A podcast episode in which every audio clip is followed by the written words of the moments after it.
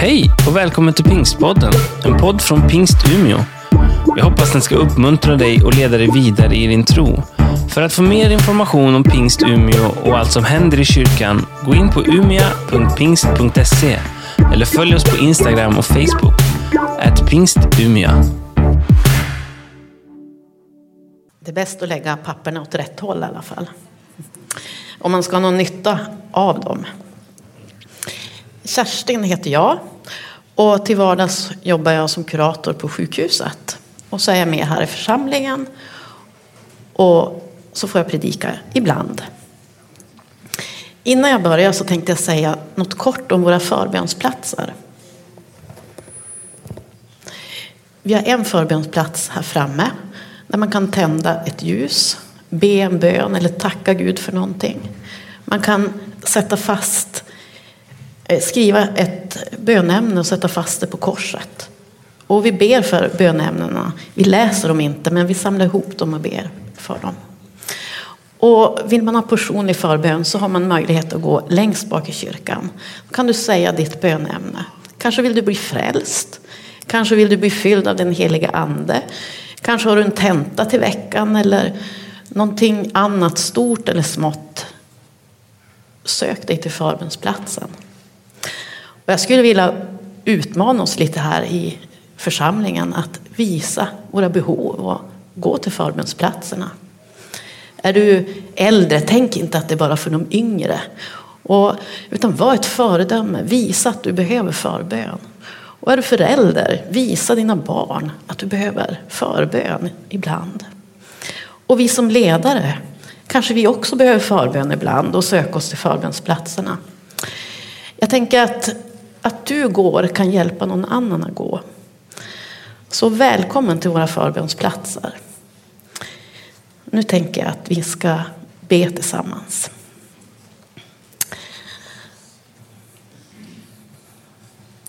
Tack Gud att du är här och tack att vi har fått lovsjunga dig och prisa dig. Jag tackar dig för att du ser oss allihopa. Du ser hur vår vecka har varit och hur känslan är när vi sätter oss här i kyrkbänken. Du vet om vi är här för första gången eller om vi är vana kyrkobesökare, Herre. Tack för att du vill öppna Bibeln för oss idag. Och öppna våra hjärtan för ditt ord, Herre. Öppna våra hjärtan, Herre.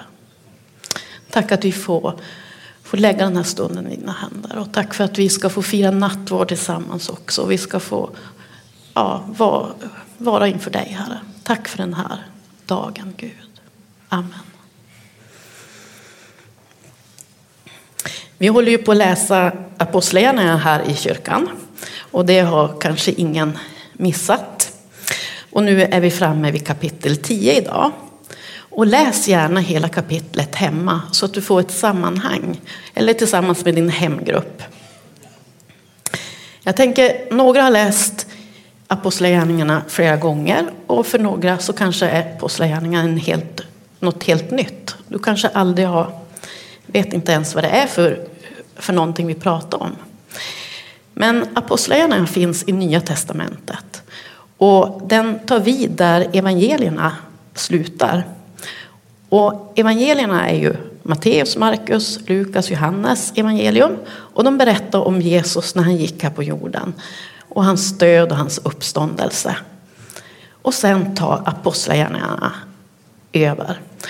Och så berättar Apostlagärningarna om den första kristna kyrkans första tid, de första 30 åren ungefär. Och det är som ett historiskt dokument och vi får följa både med och motgång, förföljelse och död, men också kyrkans triumf över det här motståndet. Vi kan läsa försvarstal inför de som kunde mycket om Gud och försvarstal om de som, inför de som hade lite kunskap om Gud. Det är misslyckande och det är framgång. Och det är enighet och oenighet. I kapitel 10 och sen kapitel 11 som Ulf kommer att predika om nästa söndag. Jag skulle kunna säga kanske att det är en milstolpe i den första kristna församlingen. Därför att då blir det tydligt att berättelsen om Jesus ska inte bara berättas för dem som är judar utan för alla människor. Det blir väldigt, väldigt tydligt i det här kapitlet att nu är det dags. Alla människor ska få höra talas om Jesus.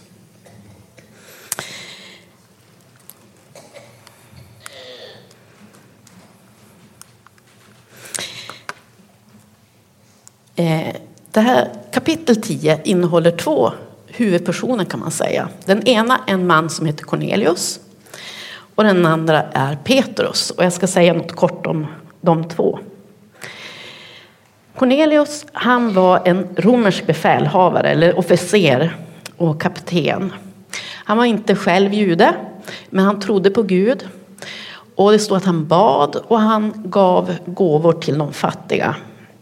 Och han hade som eh, han respekterade judarnas moraliska och etiska undervisning. Eh, och en dag när han ber på eftermiddagen då får han besök av en ängel. Och den här ängeln säger till honom att Gud han har sett dina böner och han har sett att du har försökt leva rätt och riktigt. Men nu ska du sända efter Petrus. Och ängeln berättar vart han kan hitta Petrus i Joppe, en stad fem, cirka fem mil norrut. Och han säger också i vilket hus Petrus är. Så Cornelius sänder två tjänare för att hämta, hem, hämta Petrus till sig. Och Petrus, vem var det? Jo, Petrus han var en av Jesu lärjungarna. Och han var till sitt yrke fiskare. Men han hade lämnat både sitt yrke och sina, sin båt för att följa Jesus. Så han hade gått med Jesus och vandrat med Jesus här på jorden. Och han var också en av ledarna i den första kristna kyrkan. Så ungefär samtidigt som Cornelius skickar efter sina eh, skickar iväg sina tjänare så går Petrus upp på taket för att be. Och det är på kvällen. Och där uppe på taket så står det att Petrus hamnar i hänryckning. Och så får han se en syn och så får han se den synen tre gånger. Och om jag nu ska försöka mig på någon sammanfattning av den här synen så, eller vad den betyder så kan vi, ska jag försöka så här. Ni får väl rätta mig efteråt. Berättelsen om Jesus gäller för alla människor. Och att Gud vill att alla människor ska bli frälsta. Och att Gud inte gör skillnad på person utan behandlar alla människor lika. Det är sammanfattningen av den här synen, eller budskapet. Och han får se den här synen tre gånger.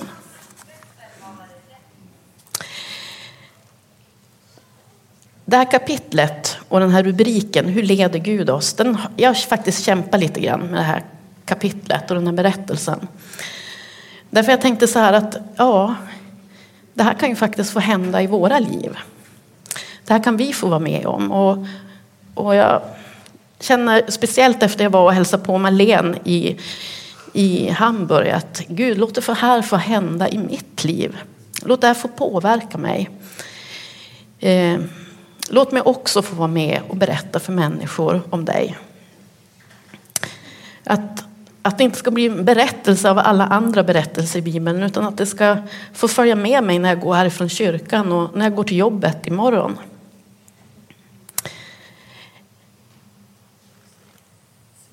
Innan vi närmar oss det här, hur leder Gud, så ska jag säga något ytterligare om Cornelius. Cornelius beskrivs ju som en ädel man, ädla egenskaper, from och gudfruktig och ja, men allmänt bra. En bra människa och han kanske också var en bra chef. Det vet vi inte, men han framställs som en bra person. Han skötte sitt jobb och han kanske gjorde mer därtill. Han hade sin tro på Gud. Och enligt den judiska traditionen så skulle man be tre gånger på dagen. Och troligtvis gjorde han det också, för det var på eftermiddagen han var i bön. Cornelius han hör, hörde inte till bedragarskaran eller den som svindlar bort pengar eller ja, försökte få pengar för dubbelt boende eller eh, spara ur på fester och så här. Utan Cornelius verkar vara en bra människa, en ordentlig människa. Och det var ordning och reda. Och då kan man ju ställa frågan så här. Behöver Cornelius bli frälst? Behöver han bli frälst? Och jag tänker den frågan behöver vi kanske fundera lite grann på.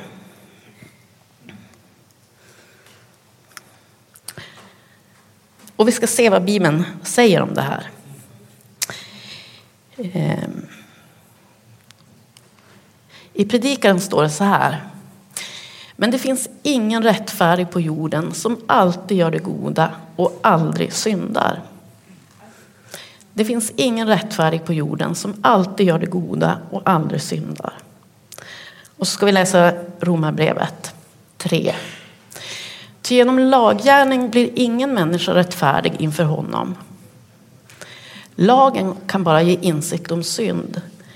Men nu har Gud uppenbarat en rättfärdighet som inte beror på lagen, men som lagen och profeterna har vittnat om. En rättfärdighet från Gud genom tron på Jesus Kristus för alla dem som tror. Här görs ingen åtskillnad.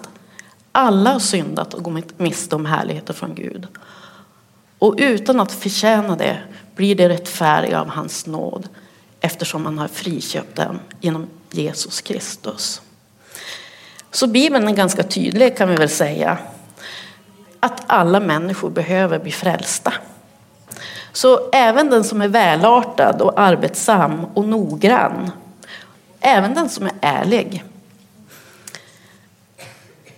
Och ja, vi behöver nog påminna oss om det och att det inte bara är den som har hamnat på livets skuggsida som behöver bli frälst. Det är inte bara Sebastian Staxett eller den som har hamnat i kriminalitet eller missbruk utan alla människor behöver bli frälsta. Våra grannar, våra vänner, vår familj, våra arbetskamrater och så vidare. Så även Cornelius behövde bli frälst. Då kan man ju fundera, brydde sig Gud om Cornelius? Och vi ska läsa ett bibelord till. Det står så här i Matteus. Be så ska ni få, sök så ska ni finna, bulta så ska dörren öppnas.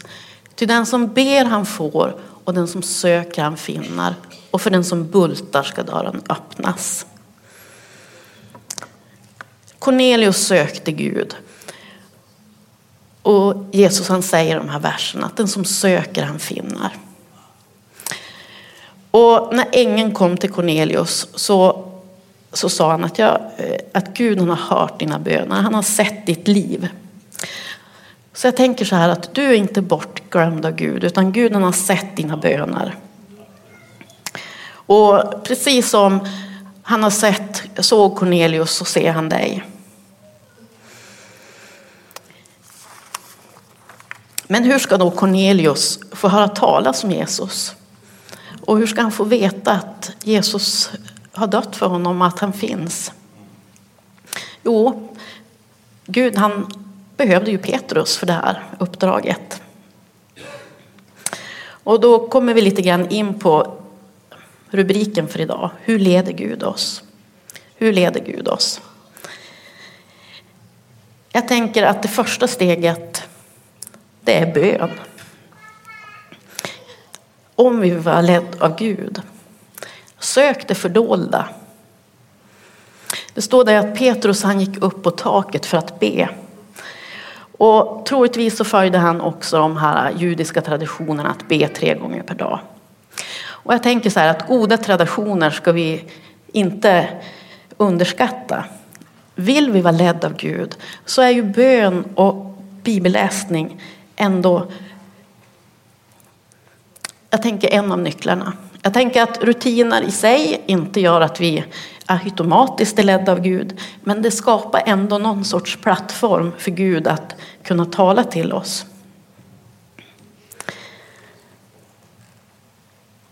Jag tänker att Petrus gick upp för, på taket för att be och det här får vara en bild över att söka Gud. Och jag tänker att Gud vill utmana dig och mig att söka det fördolda. Söka oss under ytan, bort ifrån det som är offentligt, stöket och ljuden. Till en Gud som ser och verkar i det fördolda, på insidan. Och vi ska läsa Matteus 6 och 6. Nej, När du ber, gå då in i din kammare, stäng dörren och be sedan till din fader som är i det fördolda. Då ska din fader som ser i det fördolda belöna dig. Jag tänker så här att den viktigaste rörelsen är ju inte den som sker här framme på scenen här eller i straden eller den som sker på nätet på Instagram eller vart vi nu är. Utan den viktigaste rörelsen är den under ytan och närmare Jesus. Mer Jesus och oftare Jesus. Och så gick han upp på taket och hamnade i hänryckning. Och där i bön så får han höra Gud tala. Och jag tänker att det här var ju avgörande för den första församlingen. Att där fick han veta att berättelsen om Jesus var för alla människor. Eh, nu ska jag fråga om en sak här. Hur många är det som har läst boken Korset och stiletten? Ja, just det. Det är några stycken. Eh, jag vet inte, jag tycker att ni ska hem och damma av den. För att den är faktiskt jättebra. När vi åkte till, till Hamburg, då satt jag och läste den på flyget ner eh, dit. Och eh, det handlar om en enkel landortspastor, David Wilkerson. Och honom kanske många har hört talas om i alla fall. Och han är pastor i en liten församling utanför New York någonstans. Och det är en församling som, ja, en liten församling som växer och de har ett jättefint missionsarbete. Och han skriver det att han älskar sitt arbete och sin församling och sitt liv där. Och så känner han att Gud talar till honom. Att han ska, istället för att se tv två timmar på kvällen, ska be till Gud. Och ja, sen så bestämmer sig David Wilkerson för att utmana Gud i sin tur och så säger han så här att ja, okej, okay, då säljer jag tvn. Jag sätter ut den i tidningen. Så gör man ju inte nu längre. Nu sätter man ju ut den på Blocket. Men då satte man ju ut den i tidningen. Och så sa han så här till Gud. Om den inte är såld efter 30 minuter efter att den har kommit ut tidningen. Då behåller jag tvn. Och 29 minuter. Då ringde en man och sa jag köper tvn och jag kommer hämta den på en gång och betala den. Och det som händer i alla fall är att David Wilkerson börjar be till Gud. Och då när han är i bön någon av de här kvällarna så då faller hans ögon på en artikel i en tidning. Och eh, den handlar om några killar i New York som har åkt fast eller de ska dö, upp i rätten i alla fall för ett mord. Och den, den här artikeln lämnar honom inte utan Gud han fortsätter att tala till David. Och så utmanar han sin församling att skicka, att samla ihop pengar. Så att han ska kunna åka dit. Och så tar han med sig sin ungdomspastor och så åker de oplanerat. De vet inte vart de ska och de, egentligen kan de inte köra heller i New York. Så att det, det är en, faktiskt en jättefin fin berättelse att läsa det här. Och hur Gud leder dem och hur de får vara med och predika om Jesus där. Och flera blir frälsta. Jag tänker så här att Gud vill tala till dig och mig också. Och han vill leda oss. Kanske kämpar du med meningslöshet eller till och med kanske lite bekvämlighet. Du kanske inte längtar för några, efter några utmaningar. Men jag vet inte vad Gud har för dig. Eller vilka människor han vill lägga på ditt hjärta att du ska be för. Men vi vet att det händer någonting när vi ber. Gud vill utmana oss att söka det fördolda mitt i livet, mitt där vi är. Och när jag var ung då gick jag på bibelskola, det här är över 30 år sedan. Och vi bodde fyra i samma rum och så hade vi ett bönerum, det var på vinden. Det var ett kallvind det här och så hade de varmbona ett rum. Och för att vi då skulle få vara för oss själva, för det pratades mycket på den här bibelskolan om att ta tid för bön och bibelläsning. Då vet jag att vi tävlar om att få komma först upp i det här bönerummet. För jag menar, var man först då fick man bönerummet för sig själv. Och Man kan säga att det kanske var ungdomlig iver. Men visst önskar vi att det fanns någonting av det hos oss. Att få söka Gud och få höra vad han har att säga till oss. Kanske manar Gud dig idag att gå fram och skriva namnet på någon som du ska be för och sätta fast på korset. Eller kanske ska du komma överens med en vän att be för din arbetsplats eller din klass eller för någon i din familj.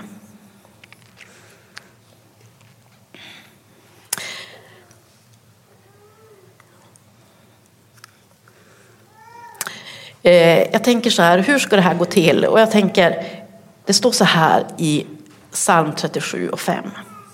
Överlämna din väg åt Herren. Så står det i folkbibeln.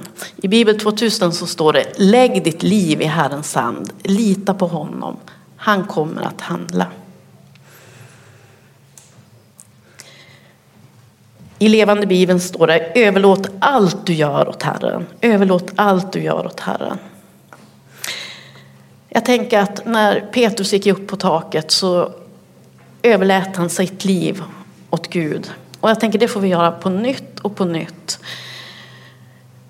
Överlåta vår vardag, det som blev som vårt liv ser ut så får vi överlåta åt, åt Herren.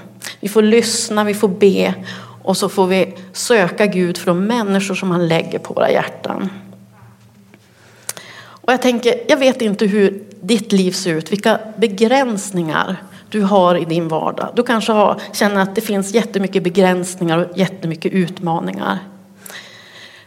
Men jag vill uppmuntra dig den här dagen att överlämna din väg åt Herren. Lägg ditt liv i Herrens hand. Han kommer att vara med dig. Och Gud vill göra dig och mig till människofiskare. Han sa till dem, kom och följ mig. Jag ska göra er till människofiskare. I somras var jag på Hönökonferensen tillsammans med Mats, min man. Och då var det en predikant där som berättade en berättelse som har följt mig och som grep mig väldigt. När han var ung ungdomspastor i en församling så var han ute och spelade boll med sina tonåringar.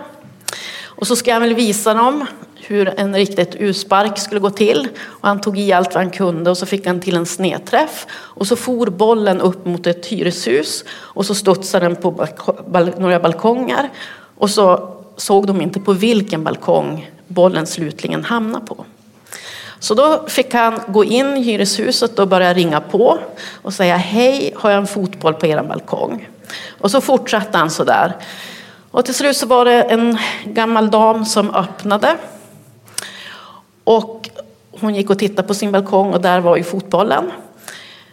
Och när han tackade och skulle gå då sa hon så här, gå inte. Jag har inte, haft, jag har inte pratat med någon på 14 dagar. Och han lämnade, han gick ut på balkongen och eh, ja, gav den tillbaks till tonåringarna. Och så sen så satte han sig med den här kvinnan. Och så fick han be med henne till frälsning. De pratade. Och efter det så var det någon från församlingen som kom och besökte henne varje vecka. En snedträff kan göra att en människa får höra om Gud. Gud vill använda dig för att leda människor till, till Gud. För jag tänker så här, vad hade hänt om inte Petrus hade gått upp på taket för att be? Och vad hade hänt om David Wilkerson inte hade slängt ut sin tv? Och vad blir vårt gensvar? Jag tänker, vad blir vårt gensvar när Gud kallar oss eller när han talar till oss?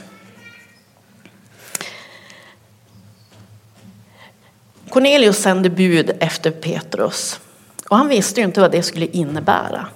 Han visste inte hur det skulle bli när Petrus kom och vad han hade att säga. Och han visste inte hur det skulle bli för honom när han blev en kristen. Eh, hur skulle hans arbetsgivare, hans arbetskamrater och hans familj reagera? Han var ju chef och ja, vad skulle de säga runt omkring om han blev en kristen?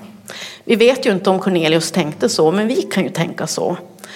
Och om vi ska göra någon förändring i livet så vad händer, med, vad händer om jag gör det här? Om jag, ja, om jag följer Jesus?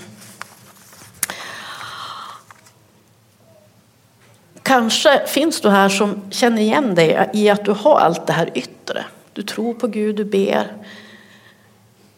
Och kanske ger du pengar till bra saker, eller lever ett allmänt bra liv. Kanske känner du igen dig lite grann i Cornelius liv. Och kanske har du känt att Gud talar till dig idag under gudstjänsten eller under en längre tid. Och att det här yttre inte räcker utan du längtar efter något mer. Och jag tänker lyssna till den längtan. För det är Gud som talar till dig och säger att du behöver bli frälst. Cornelius går till handling, han skickar efter Petrus. Och jag tänker att det var väldigt modigt gjort, för han visste ju inte vem det här var. Ta rygg på Cornelius, gå till handling, bestäm dig idag för att följa Jesus. Och så då Petrus som går upp på taket för att be. Han har fullt upp i livet. Han reser mycket och han är ute och berättar om, om Jesus överallt. Ändå väljer han att ta tid att gå upp på taket för att be. Han söker det fördolda. Han söker avskildhet. Och han får möta Gud och Gud talar till honom. Kanske, jag vet inte om Gud manar dig till att slänga ut tvn eller något annat. Det, det har jag ingen aning om. Men jag tänker att Gud han, han söker oss och vill att vi ska söka oss till det fördolda. Bort från det här offentliga och publika. Och han vill tala till oss och leda oss. Jag skrev så här, finns det tid för det fördolda i ditt liv? Och sen skrev jag lämna taket. För vi kan ju inte stanna där uppe på taket hela tiden. För då finns det ju som ingen...